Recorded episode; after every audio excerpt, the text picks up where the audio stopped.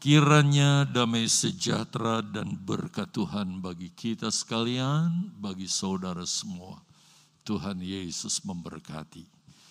Hari ini kita merayakan hari raya Pentakosta, di mana dicurahkannya janji Tuhan bagi gereja, yaitu Roh Kudus yang memenuhi setiap orang yang percaya dan kita tahu ini merupakan penggenapan dari ibadah-ibadah simbolik yang dilakukan oleh bangsa Israel di zaman Perjanjian Lama.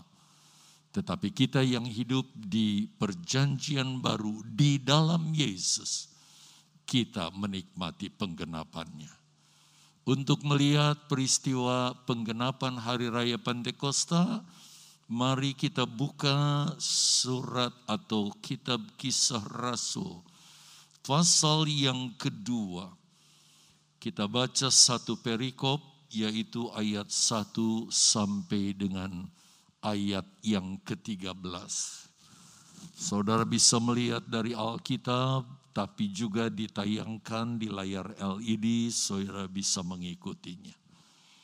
Dikatakan ketika tiba hari Pantekosta, semua orang percaya berkumpul di suatu tempat.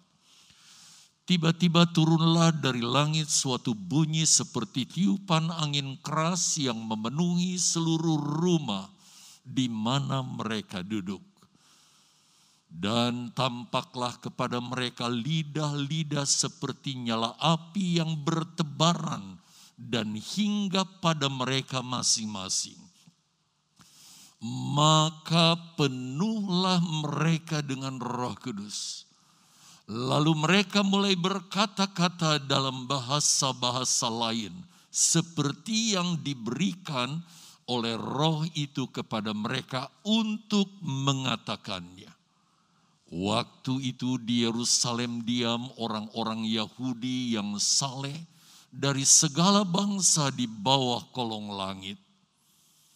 Ketika turun bunyi itu, berkerumunlah orang banyak.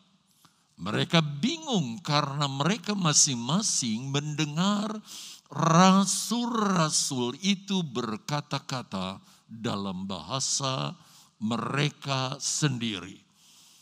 Mereka semuanya tercengang-cengang dan heran lalu berkata, Bukankah mereka semua yang berkata-kata itu orang Galilea? Bagaimana mungkin kita masing-masing mendengar mereka berkata-kata dalam bahasa kita sendiri, yaitu bahasa yang kita pakai di negeri asal kita. Kita orang Partia, Media, Elam, penduduk Mesopotamia, Yudea dan Kapadokia, Pontus dan Asia Frigia, Pamfilia, Mesir, dan daerah-daerah Libya yang berdekatan dengan Kirene, pendatang-pendatang dari Roma. Baik orang Yahudi maupun penganut agama Yahudi, orang Kreta dan orang Arab, kita mendengar mereka berkata-kata dalam bahasa kita sendiri tentang perbuatan-perbuatan besar yang dilakukan Allah. Mereka semuanya tercengang-cengang dan sangat termangu-mangu sambil berkata seorang kepada yang lain, "Apakah artinya ini?" Tetapi orang lain menyindir, mereka sedang mabuk oleh anggur manis. Bapak, ibu, saudara yang dikasihi oleh Tuhan Yesus Kristus, kalau kita membaca kitab Kejadian pasal 3 ayat yang kelima, saya sudah bahas ini dan saya ingatkan Bapak Ibu Saudara kembali bagaimana Allah menubuatkan bahwa iblis yang telah membuat Adam dan Hawa jatuh dalam dosa. Sehingga untuk sementara mereka gagal menggenapi janji Allah. Tetapi dalam nubuat dikatakan bahwa Allah akan meremukan ular yaitu iblis oleh keturunan perempuan, keturunan Hawa yang dimaksud.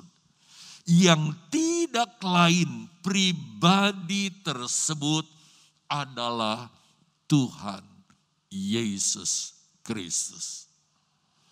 Dan Bapak Ibu Saudara yang dikasih oleh Tuhan, Tuhan Yesus Kristus akan mengalahkan si iblis bukan hanya pada waktu Yesus mati di kayu salib atau pada waktu dia datang ke dunia. Pada kedatangannya kedua kali, tepatnya di dalam perang Harmagedon tetapi iblis akan dikalahkan habis-habisan dalam perang Gog Magog di mana iblis akan dicampakkan ke dalam neraka untuk selama-lamanya setelah pemerintahan kerajaan seribu tahun di muka bumi ini akan berakhir. Nah, perlu Bapak Ibu Saudara ketahui bahwa dari sejak zaman Perjanjian Lama, jadi kalau kita membaca kitab Perjanjian Lama, di sana Allah memerintahkan kepada umat Israel agar bangsa Israel melakukan ibadah, mengadakan ibadah. Dan ibadah-ibadah yang dilakukan dalam perjanjian lama itu adalah ibadah-ibadah simbolik. Ibadah-ibadah yang bentuknya gambaran dari suatu kemenangan di mana Allah dan umatnya akan menang mengalahkan musuh-musuhnya yaitu iblis yang akan berakhir dengan pencampakan iblis ke dalam neraka. Jadi ibadah simbolik itu saudara, nanti ketika digenapi, itu sebenarnya semuanya merupakan wujud kekalahan iblis. Sampai puncaknya nanti ketika iblis dicampakkan ke dalam neraka, dari bumi ke neraka dan untuk selama-lamanya iblis akan ada di sana. Dan perintah ibadah itu itu dicatat di dalam firman Allah untuk dilakukan oleh umat Allah dan kita bisa lihat itu dalam kitab Ulangan pasal 16 ayat yang ke-16. Saya ingin membaca ayat ini, saudara bisa perhatikan.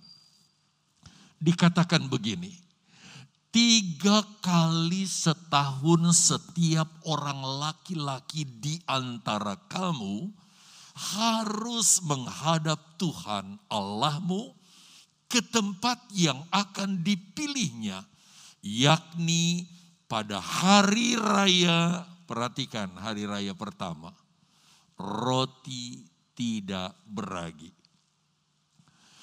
Pada hari raya, ini yang kedua, hari raya tujuh minggu. Dan pada hari raya, dan inilah yang ketiga, hari raya pondok daun. Janganlah ia menghadap hadirat Tuhan dengan tangan hampa. Perhatikan Bapak Ibu Saudara yang dikasihi oleh Tuhan tiga hari raya yang merupakan ibadah simbolik. Antara lain adalah Paskah, Pentakosta, dan Pondok Daun yang wajib tidak bisa tidak. Seluruh orang Israel harus merayakan ini di zaman perjanjian lama. Tetapi saya beri catatan di sini karena Israel sampai sekarang menolak Yesus, mereka tidak mengalami penggenapannya, tapi sampai sekarang tetap merayakan tiga hari raya ini. Hari raya roti tidak beragi, hari raya uh, tujuh minggu, dan hari raya pondok daun. Sampai sekarang, karena mereka menolak Yesus. Jadi sampai sekarang mereka tetap merayakan hari raya simbolik ini. Yang hanya berupa gambaran. Tetapi bagi kita yang hidup di zaman perjanjian baru, yaitu orang-orang yang percaya kepada Yesus. Lebih spesifik lagi bagi kita yang hidup di akhir zaman. Ibadah tersebut atau tiga hari raya tersebut harus jadi pengalaman harus digenapi oleh saudara dan saya. Harus benar-benar dialami. Karena ini bukan lagi simbolik tetapi harus jadi pengalaman orang percaya di zaman perjanjian baru. Yaitu orang-orang yang percaya kepada Yesus. Sekali lagi saya tekankan, tiga hari raya ini harus jadi pengalaman saudara. Harus jadi pengalaman kita sekalian. Harus dialami oleh orang-orang yang percaya kepada Yesus. Yang pertama, hari raya roti tidak beragi. Yang tidak lain adalah kita kenal dengan hari raya Paskah. Sebab satu minggu mereka tidak boleh melihat bahkan menyentuh ragi selama hari raya itu. Itu sebabnya mereka harus membuang semua jauh-jauh ragi itu selama perayaan ini. Yang tidak lain wujudnya sekali lagi untuk kita sekarang. Itulah Paskah. Dan yang kedua hari raya tujuh minggu.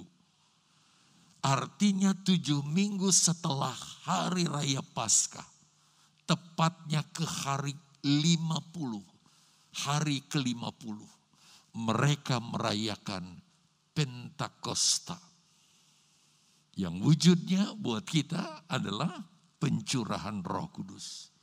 Dan yang ketiga adalah hari raya pondok daun. Saudara yang dikasihi oleh Tuhan, pada umumnya kita sudah sangat akrab dengan hari raya-hari raya ini. Dari tiga hari raya ini, dua sudah digenapi. Berarti dua sudah harus jadi pengalaman kita karena sudah digenapi. Dan dua hari raya tersebut adalah Paskah yang kalau kita lihat di perjanjian lama roti tidak beragi berbicara bagaimana kematian Yesus di atas kayu salib untuk menebus dosa saudara dan saya di mana tidak ada lagi ragi dosa di dalam diri kita karena sudah dibuang oleh karya kematian Yesus. Kalau bangsa Israel secara simbolik ragi sungguhan yang mereka buang keluar dari rumah mereka. Tetapi buat kita yang mengalami penggenapannya, semua dosa-dosa itu dibuang oleh karya kematian Yesus bagi kita di kayu salib. Sedangkan hari raya yang kedua yang sekarang kita sedang rayakan, yaitu hari raya Pentakosta di mana dicurahkannya Roh Kudus kepada orang-orang yang percaya kepada Yesus yang sudah mengalami Paskah. Mereka adalah orang-orang yang berhak untuk menikmati hari raya kedua, yaitu Pentakosta. Jadi saudara adalah orang-orang yang berhak untuk menikmati itu. Wajib malahan hukumnya. Sedangkan yang ketiga yang belum digenapi adalah hari raya pondok daun dan apa bentuk hari raya tersebut. Saya akan jelaskan sedikit. Nanti akan dijelaskan ketika kita membahas lanjutan dari seri tentang tanda-tanda kedatangan Yesus kedua kali. Nah, saya ingin memberi catatan di sini sebagai sebuah peringatan kepada kita sekalian bahwa ketiga hari raya ini digenapi sepenuhnya di dalam Tuhan Yesus Kristus. Jadi kita sebagai pengikut Yesus, kita adalah orang-orang yang tidak bisa tidak. Harus mengalami penggenapan ini. Dan kalau kita tidak menggenapinya, itu identik dengan kita ada di luar Kristus. Sebaliknya kita yang ada di dalam Kristus, kita harus tidak bisa tidak. Ini bukan sebuah alternatif. Kalau bangsa Israel merayakan dalam perjamian, perjanjian lama secara turun-temurun saudara. Hari-hari raya ini tapi sayang mereka merayakannya hanya secara simbolik sampai sekarang. Mereka merayakan itu karena mereka menolak Yesus. Jadi kalau pasca mereka menyembeli seekor domba, sebelumnya domba itu diambil pada bulan yang pertama, tepatnya tanggal 10. Tidak boleh meleset harus tanggal yang ditentukan. Lalu domba itu dipertontonkan kepada seluruh isi keluarga. Inilah domba yang akan jadi korban hari raya tersebut.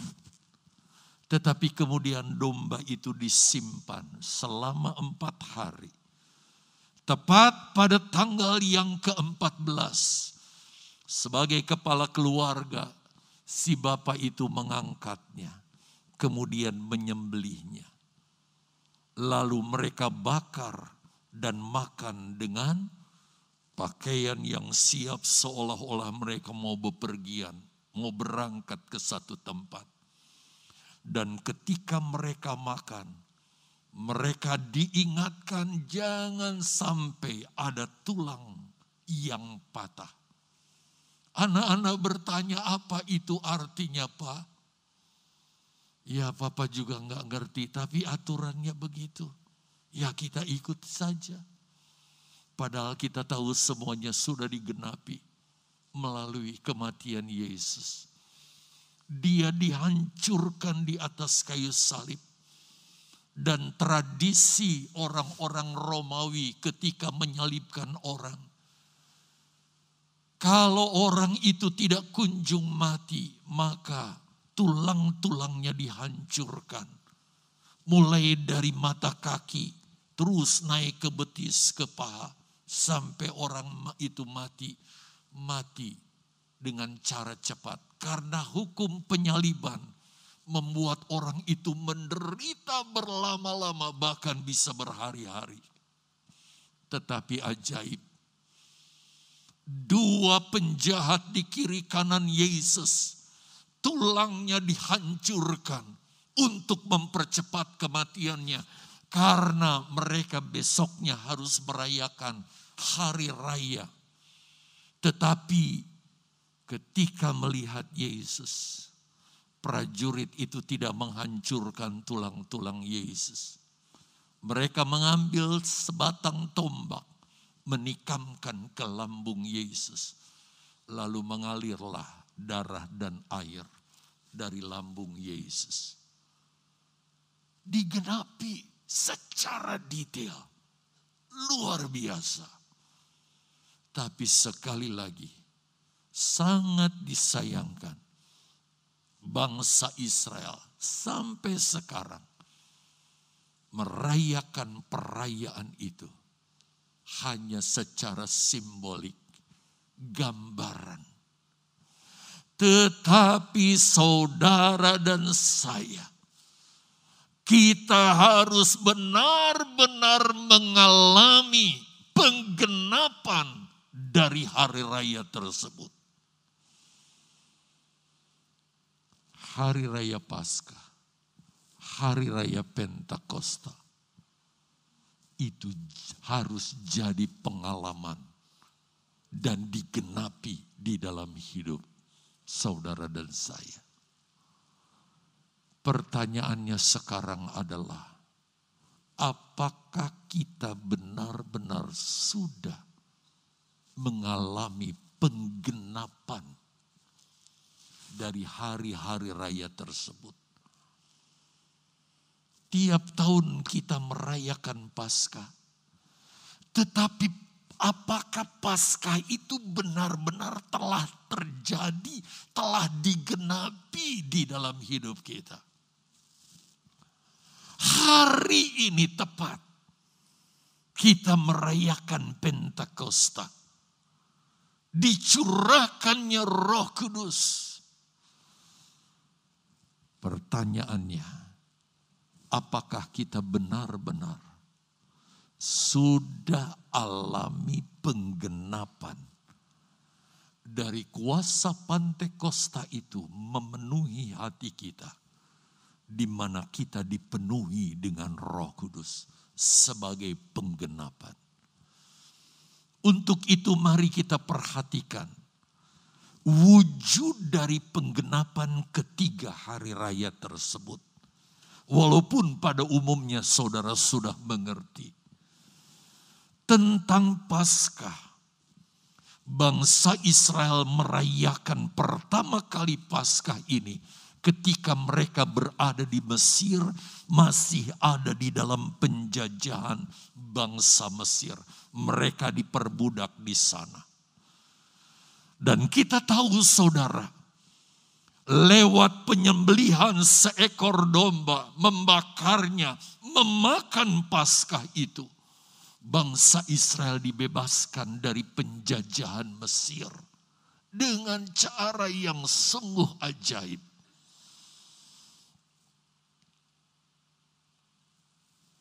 sebagai pengikut Yesus. Sekali lagi saya katakan sebagai pengikut Yesus. Jangan sekedar saudara hanya sebagai orang Kristen anggota gereja dan nama saudara tercatat dalam buku keanggotaan. Tetapi saudara nggak mengalami pasca yang sesungguhnya. Kita harus mengalami pekerjaan penebusan Kristus di dalam hidup kita. Dan itu bukan sesuatu yang maya, saudara. Bukan sesuatu yang imajiner. Tetapi yang kita benar-benar bisa rasakan bahwa kita sudah diampuni Dosa-dosa masa lalu kita ditebus oleh Yesus lewat kematiannya. Kita diampuni oleh karya kematiannya di atas kayu salib buat kita. Itu harus terjadi di dalam hidup kita. Dan oleh iman, kita benar-benar dibebaskan dari semua dosa masa lalu kita. Kejahatan masa lalu kita dosa kita diampuni. Ini bukan sesuatu yang maya, yang imajiner. Pasti orang yang benar-benar mengalami paskah yang rohani itu merasakannya. Sehingga dia dapat berkata, Tuhan sudah mengampuni dosa-dosaku. Karena ini jadi pengalaman. Saya tidak mem, me, jelaskan ayatnya lebih detail saudara. Tetapi ayat itu jelas ditulis dalam firman Allah. Baik dalam Injil Yohanes maupun dalam surat Roma. Sehingga kita benar-benar merasakan bahwa kita sudah diselamatkan.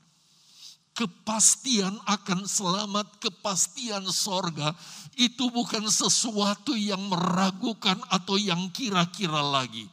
Adakah di antara saudara yang masih bertanya, nanti kalau saya mati kira-kira masuk sorga enggak ya?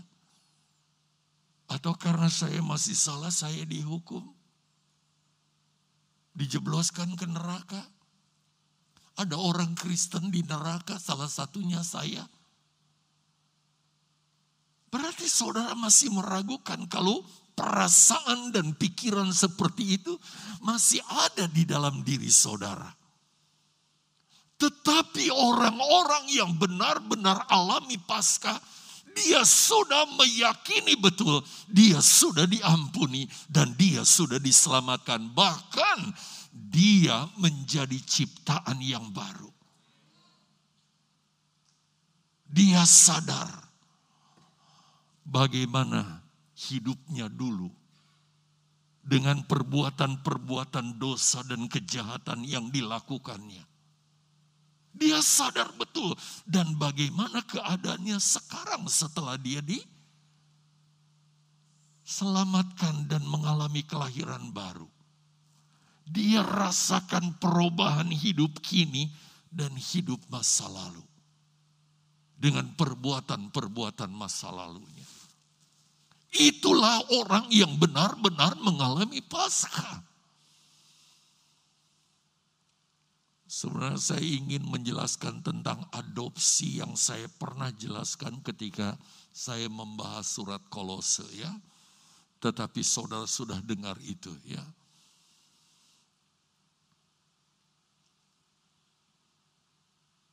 Tetapi setelah itu, kekristenan kita nggak boleh stop sampai di situ. Haleluya, puji Tuhan, saya sudah selamat. Dosa masa lalu saya sudah diampuni. Sekarang saya jadi ciptaan baru, lahir baru, lalu selesai sampai di situ. Tidak. Kita harus menggenapi hari raya berikutnya yang hari ini kita rayakan, yaitu tujuh minggu setelah Paskah, tepatnya di hari ke-50. Secara simbolik bangsa Israel merayakan Pentakosta. Mereka membawa persembahan hasil panen sebagai korban sajian, yaitu korban persembahan kepada Tuhan seperti yang ditulis dalam Imamat pasal 23 ayat 16 sampai 20. Tetapi bagi kita pengikut Yesus penggenapannya adalah apa? Kalau kita baca tadi, setelah 50 hari Yesus mati di kayu salib, murid-murid dipenuhi dengan roh kudus dengan tanda bergelosolali mereka berkata-kata dengan bahasa lain, bahasa yang baru, bahasa Roh Kudus. Demikian pun kita Bapak Ibu Saudara yang dikasihi Tuhan. Sudahkah kamu dipenuhkan dengan Roh Kudus tatkala kamu percaya kepada Tuhan? Berapa lama saudara jadi orang Kristen? Tetapi adakah kepenuhan roh kudus itu? Saudara alami dalam hidup saudara. Dan tanda bahwa seorang yang dipenuhkan dengan roh kudus, dia berglosolali. Ada bahasa baru ketika dia berdoa Nah inilah poin yang keempat yang seharusnya saya bahas saudara. Tentang maksud kenaikan Yesus ke sorga. Dia harus naik ke sorga. Tujuannya apa? Kalau dia tidak naik ke sorga, dia tidak bisa mencurahkan roh kudusnya. Jadi Yesus naik ke sorga tujuannya supaya kuasa Pentakosta, kuasa roh kudus itu kita terima, kita alami. Nah karena Yesus sudah naik ke sorga, maka penggenapan ini jadi hak saudara dan saya. Untuk itu mari kita lihat Yohanes 16 ayat yang ketujuh. Saudara perhatikan ayat ini. Namun benar yang kukatakan ini kepadamu. Namun benar yang Yesus katakan ini kepada murid-muridnya. Apa katanya? Perhatikan saudara. Adalah lebih berguna bagi kamu jika aku pergi. Seorang hamba Tuhan, saya lupa sudah menjelaskan ini. Kalau Yesus tidak pergi ke sorga, Yesus secara fisik ada dengan murid-muridnya, maka bisa saja murid-murid terpisah dengan Yesus. Seperti Yesus pernah ada di gunung, sedangkan murid-murid di danau. Murid-murid kena ombak, mereka kelabakan. Yesusnya tidak hadir. Tetapi dengan kepergian Yesus dikatakan penghibur itu, roh kudus itu akan datang kepadamu bahkan saudara dia ada di dalam hidup kita. Dia memenuhi hidup kita. Itu sebabnya dia pergi untuk mengutus roh kudus itu ada di dalam diri kita. Sehingga di mana pun kita berada dan ke mana pun kita pergi, Tuhan oleh rohnya ada di dalam kita dan kita di dalam dia. Saudara yang dikasihi oleh Tuhan, ini harus benar-benar digenapi. sangat menyedihkan kalau kita ada sebagai orang percaya kepada Yesus, tapi Pentakosta itu hanya simbolik buat kita. Karena kita nggak ngalami. Kita harus benar-benar mengalami ini. Itu sebabnya ketika murid-murid berdoa di kamar loteng, mereka dipenuhi dengan roh kudus. Ditandai dengan bahasa baru yaitu glosolali. Mereka dipenuhkan dengan roh kudus. Saudara yang dikasihi oleh Tuhan. Memang yang kita kejar bukan glosolalinya. Tapi kuasanya. Kenapa? Karena mau tidak mau kita harus masuk pada hari raya yang ketiga. Nanti apa kaitannya antara pasca Pentakosta dan Pondok Daun itu? Sehingga itu harus jadi pengalaman kita. Sebab itu kita perhatikan dulu tentang Hari Raya Pondok Daun. Hari Raya Pondok Daun dirayakan oleh bangsa Israel secara simbolik setiap kali setelah panen tiba. Seluruh bangsa Israel tinggal di pondok-pondok. Mereka nggak boleh ada yang di rumah saudara. Semua keluar rumah mereka bersuka cita, nggak boleh ada yang susah. Mereka bergembira, mereka senang merayakan hari raya itu sesuai dengan imamat 23 ayat 34 sampai 44. Saudara bisa baca itu nanti. Tetapi hari raya pondok daun itu bagi kita sekarang belum digenapi. Tapi percayalah saudara bahwa saatnya tiba hal ini pun akan digenapi. Bahkan kalau saya lihat dengan apa yang terjadi sehubungan dengan gejala-gejala zaman ini saudara, Rasanya hari raya pondok daun ini sudah tidak lama lagi untuk digenapi. Kalau saya lihat urut-urutannya, kita sekarang di metre yang kelima, tinggal tunggu penggenapan metre enam, ada pemisahan, lalu penggenapan metre yang ketujuh, pernikahan Kristus dengan gereja, sangkakala satu, dua, tiga, dan sangkakala empat akan digenapi penggenapan pondok daun ini. Bila hari raya pondok daun ini digenapi atau terjadi, pengikut Yesus yang sejati, apalagi istilah lain, gereja yang sempurna, mempelai wanita Kristus, Hawa yang akhir akan disingkirkan ke padang gurun.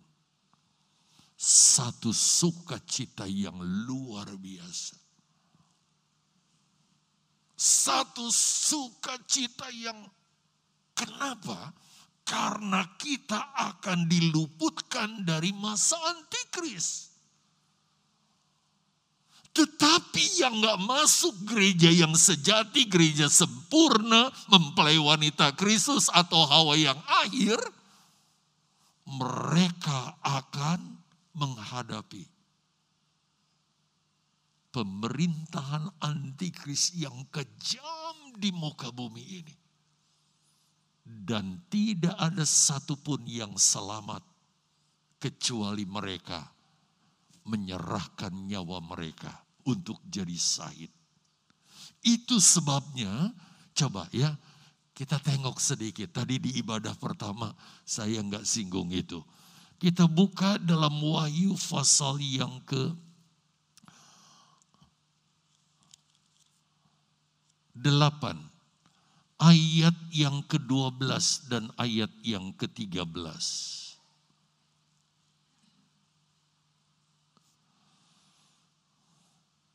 Perhatikan saudara ayatnya. Lalu malaikat yang keempat, perhatikan malaikat keempat. Meniup sangkakalanya, inilah sangkakala yang keempat.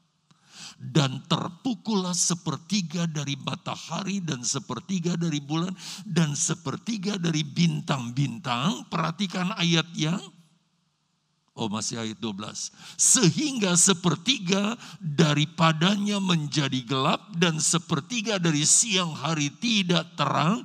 Dan demikian juga malam hari, lihat ayat 13. Lalu aku melihat, aku mendengar apa? Seekor burung nasar terbang di tengah langit dan berkata dengan suara nyaring celakalah, celakalah, celakalah mereka yang diam di atas bumi oleh karena bunyi sangkakala ketiga malaikat lain yang masih akan meniup sangkakalanya. Tahan ayat ini. Saudara siapakah yang disebut seekor burung nasar terbang di langit? Sambil terbang, dia meneru, menyerukan. Celaka, celaka. Terus, celakalah mereka yang diam di bumi. Burung nasar yang terbang itu tidak lain adalah kita yang merayakan hari raya pondok daun itu. Seperti mereka tinggalkan rumah mereka bersuka cita saudara.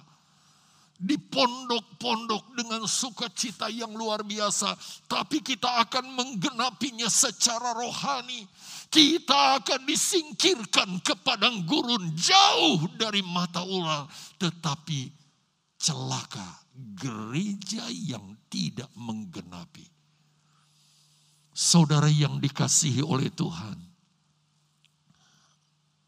itu sebabnya perhatikan gambar ini. Bahwa ketiga hari raya ini saling berkaitan satu dengan yang lain. kita tidak akan alami pengalaman Pentakosta kalau kita nggak benar-benar alami Paskah. Dan kita tidak akan alami pondok daun kalau kita tidak memiliki kuasa Pentakosta. Itu sebabnya buat kita, apalagi yang hidup di akhir zaman ini, ketiga hari raya ini harus jadi pengalaman kita.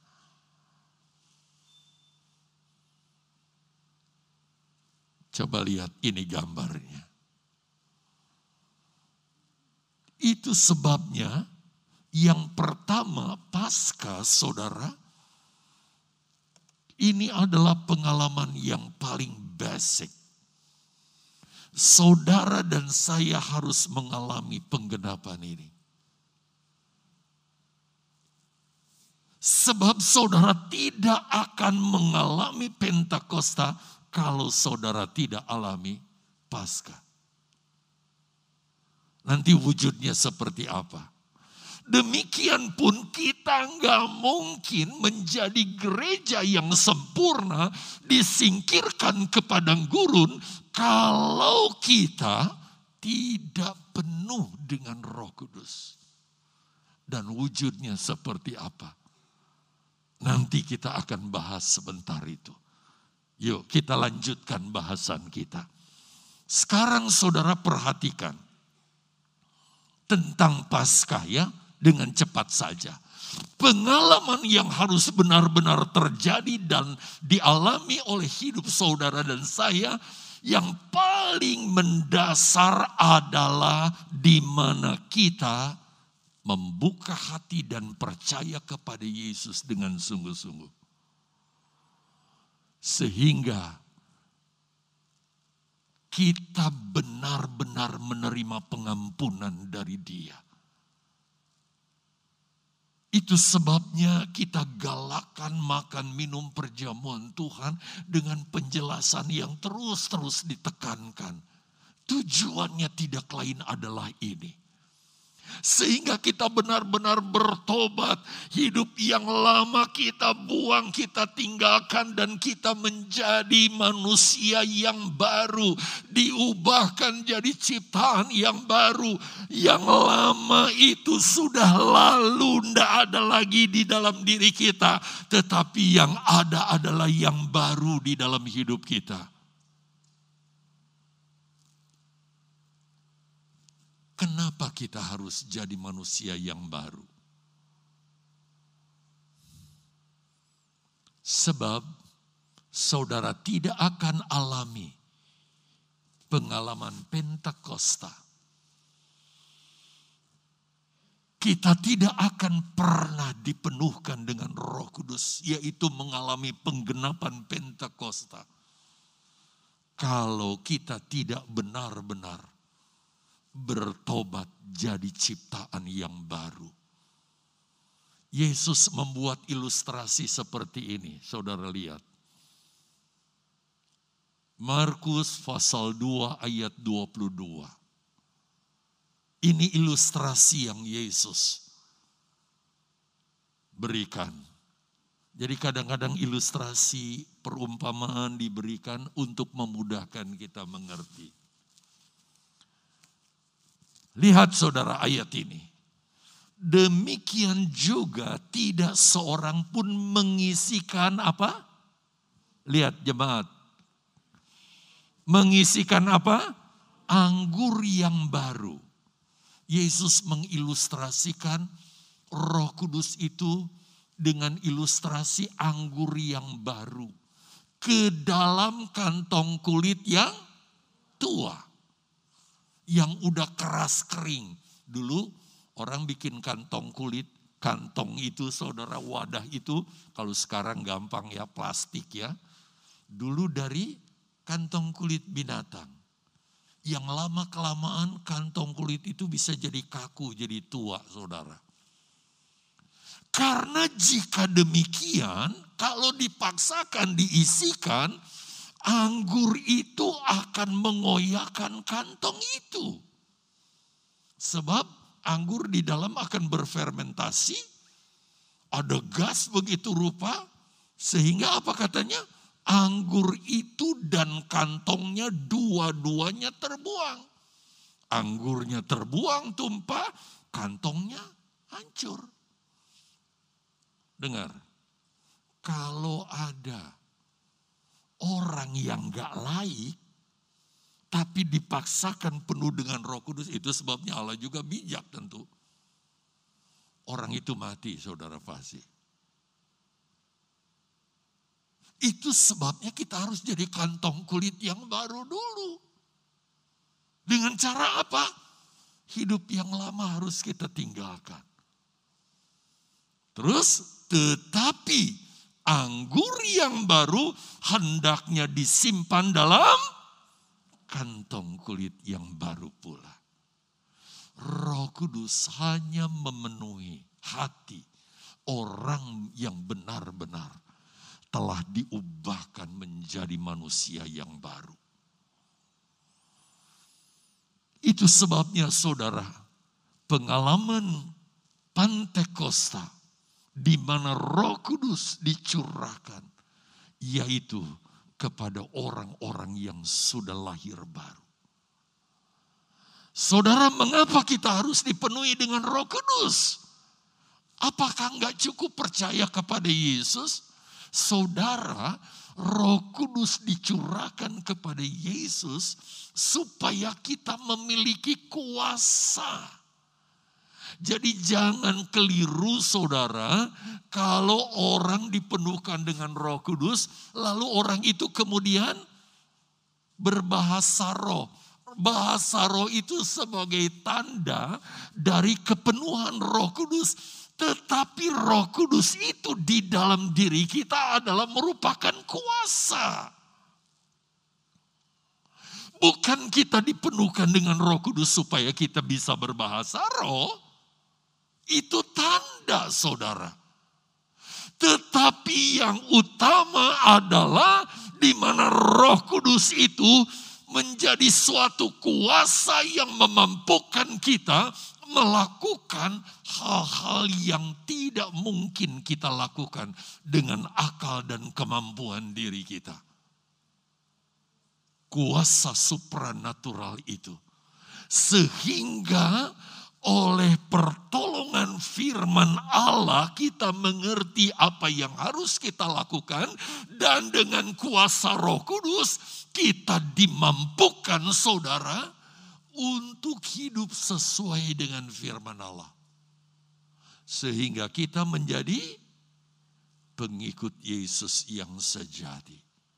Gereja yang sempurna. Mempelai wanita Kristus Hawa yang akhir yang akan menikah dengan Adam yang akhir yaitu Yesus. Ini nggak mungkin kita lakukan dengan kemampuan kita. Mau gelarnya profesor, kal kalburator bocor, apa pun saudara. Nggak akan mungkin. Tapi orang yang sederhana, yang nggak tahu apa-apapun ketika dia dikuasai roh kudus, dia mampu lakukan perkara yang luar biasa. Perkara yang ajaib.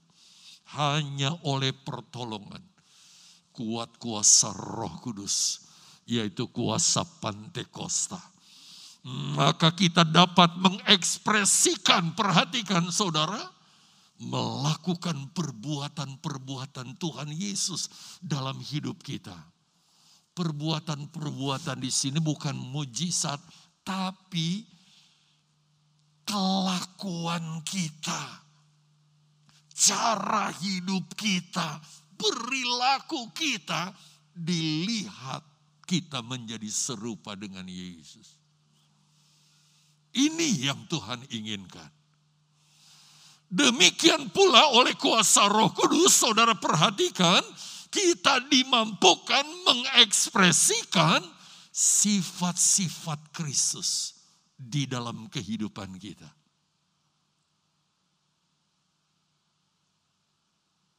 Dianggap manusia biasa, tapi ekspresi sifat-sifat karakternya karakter Kristus yang terekspresi. Inilah yang disebut pengikut Yesus yang sejati, gereja sempurna, mempelai wanita Kristus, Hawa yang terakhir, yang serupa dengan Yesus. Karena inilah target, ini kerinduan Yesus. Roma pasal 829. Sebab semua orang yang dipilihnya. Jadi tujuan saudara dan saya dipilih dan diselamatkan. Mereka juga ditentukannya dari semula untuk menjadi serupa. Bukan wajahnya yang serupa, tapi perbuatan dan karakternya serupa dengan Yesus. Saya nggak bisa bayangkan ketika gereja menuju ke sini, saudara orang akan tertarik begitu rupa. Karena mereka melihat setiap orang Kristen mengekspresikan kepribadian Yesus dalam hidupnya. Itu sebabnya menutup khotbah ini, saya ingin membuat ilustrasi saudara dengan gambar, dengan item-item yang sudah sangat akrab dengan saudara. Dengan yang saudara sudah terima, bukan? Coba saudara lihat gambar ini. Posisi manusia pada awalnya saudara ada di dalam posisi wow, sangat aman, bukan? dalam rencana Allah yang luar biasa, mulianya. Tapi sayang saudara, karena kelicikan iblis, manusia jatuh dalam dosa. Tapi rencana Allah nggak boleh gagal, nggak bisa gagal. Maka untuk menggembalikan manusia ke posisi awal, tidak bisa tidak Allah harus menebus manusia dengan datangnya Yesus ke dalam dunia ini. Barang siapa yang menerima Yesus di hatinya, maka saudara, dia mengalami apa? Inilah hari raya pertama penggenapannya dalam diri kita. Kesian Israel sampai sekarang simbolik tapi kita mengalami penggenapannya. Asal benar-benar ya. Nah dalam kekristenan saudara, saudara bergelar sebagai orang beriman. Pengikut Yesus, anak Tuhan, orang Kristen. Bahkan segudang lagi gelar ya. Sebagai pengikut Yesus. Apakah kita puas sampai di sini? Fatal kan? Kalau ada ajaran yang mengajarkan sekali selamat tetap selamat artinya sudah percaya Yesus sudah pol itu selesai. Gawat saudara. Kita harus mengalami penggenapan perayaan berikutnya. Masa kita mau ikut, mau iring Tuhan cuma sekedar begini terus. Lenggang. Sampai kapan ada tujuan Tuhan yang begitu luar biasa atas kita saudara. Itu sebabnya dia ingin setiap orang alami pengalaman apa? Pentakosta. Rasul Paulus bertanya kepada jemaat di Efesus ketika dia kunjungi Efesus. Sudahkah kamu penuh dengan roh kudus tatkala kamu percaya? Jemaat bingung. Apa itu roh kudus? Gawat kan kalau ada jemaat nggak dibangun, kekristenannya. Kalian nggak tahu kamu dibaptis dengan siapa? Kami dibaptis dengan baptisan Yohanes. Baptisan tobat. Bukan baptisan pengakuan iman kepada menerima Yesus. Jadi mereka harus diinjili lagi saudara. Sebab baptisan tobat. Bukan baptisan karena beriman kepada Yesus dan menjadi manusia baru. Lalu Roh Kudus eh, Paul Tuhan bimbing Paulus sedemikian rupa sampai jemaat di Efesus dipenuhkan dengan Roh Kudus. Lalu menjadi gereja yang begitu besar di Asia Kecil. Sehingga itu menjadi home base pelayanan Paulus. Lalu saudara perhatikan, kalau saudara terus penuh dengan roh kudus dan saudara enggak dibaharui dari hari ke sehari, itu sebabnya para pengkhotbah saudara selama 10 hari ingatkan. Baptisan roh kudus itu satu kali. Tapi kepenuhan roh kudus harus terus terjadi. Saya ingin ibadah kita suasananya dengan suasana roh kudus seperti 10 hari kita beribadah. Ya, begitu. Jangan nanti tunggu tahun depan lagi 10 hari. Jadi suasananya tetap sampai ada yang kaclep nggak kelihatan lagi ke gereja. Nanti tahun depan muncul lagi saudara gitu. Kita harus sungguh-sungguh saudara mengiring dia. Maju. Saya pijit-pijit ini nggak gerak-gerak. Nah, kenapa? Karena ada target di mana perbuatan-perbuatan kita harus mengekspresikan perbuatan Yesus. Dan ini nggak mungkin dilakukan tanpa kuasa Roh Kudus yang menyertai kita.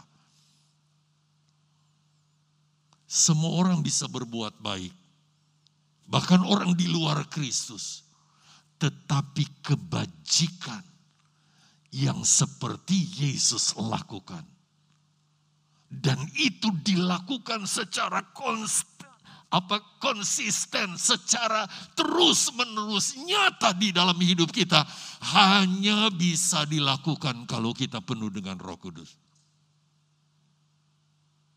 Tanpa Roh Kudus kita nggak akan mampu. Demikian seterusnya. Jadi harus jemaat, jadi harus jadi jemaat yang setia ya yang mengerti firman Allah. Itu sebabnya saudara, saya ingin jemaat mengerti firman Allah. Supaya saudara enggak gampang dibodohi. Sekarang saudara mau jajan apa soal firman Allah, saudara tinggal buka HP, buka YouTube, saudara mau terima pelajaran apa juga ada. Dari yang benar sampai yang sesat ada di sana. Itu sebabnya saudara harus dibekali dengan pengetahuan kebenaran firman Allah yang murni. Dan itu hanya bisa benar-benar kita lakukan. Sehingga saudara nggak tergoncangkan. Kalau kita dipenuhi dengan roh kudus. Gampang sekali jemaat diseret-seret saudara.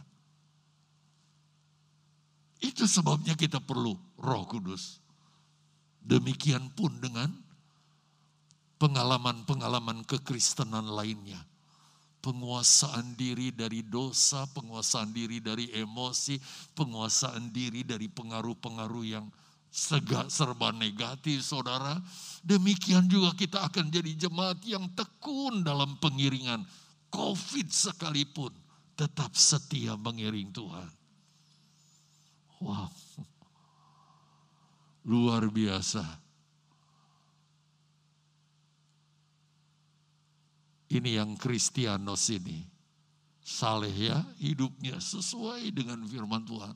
Mengasihi saudara seiman. Wow, saling mengasihi.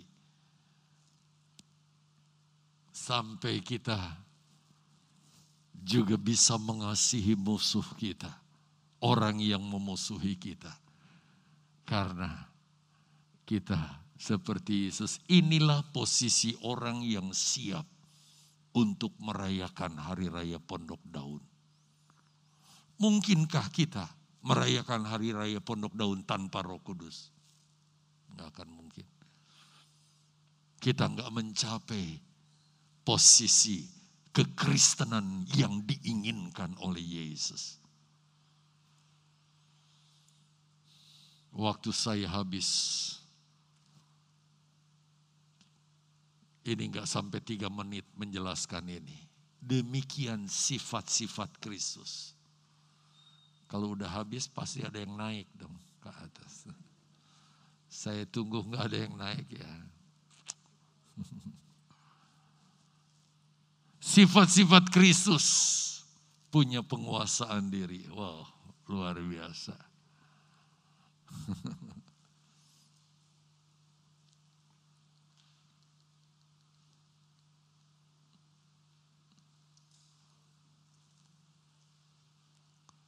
Lemah lembut, setia, kebaikan, kebajikan ya, kemurahan, sabar, damai sejahtera, sukacita, sampai kita bersama Yesus dalam hari raya pondok daun curahkanlah kuasamu Tuhan.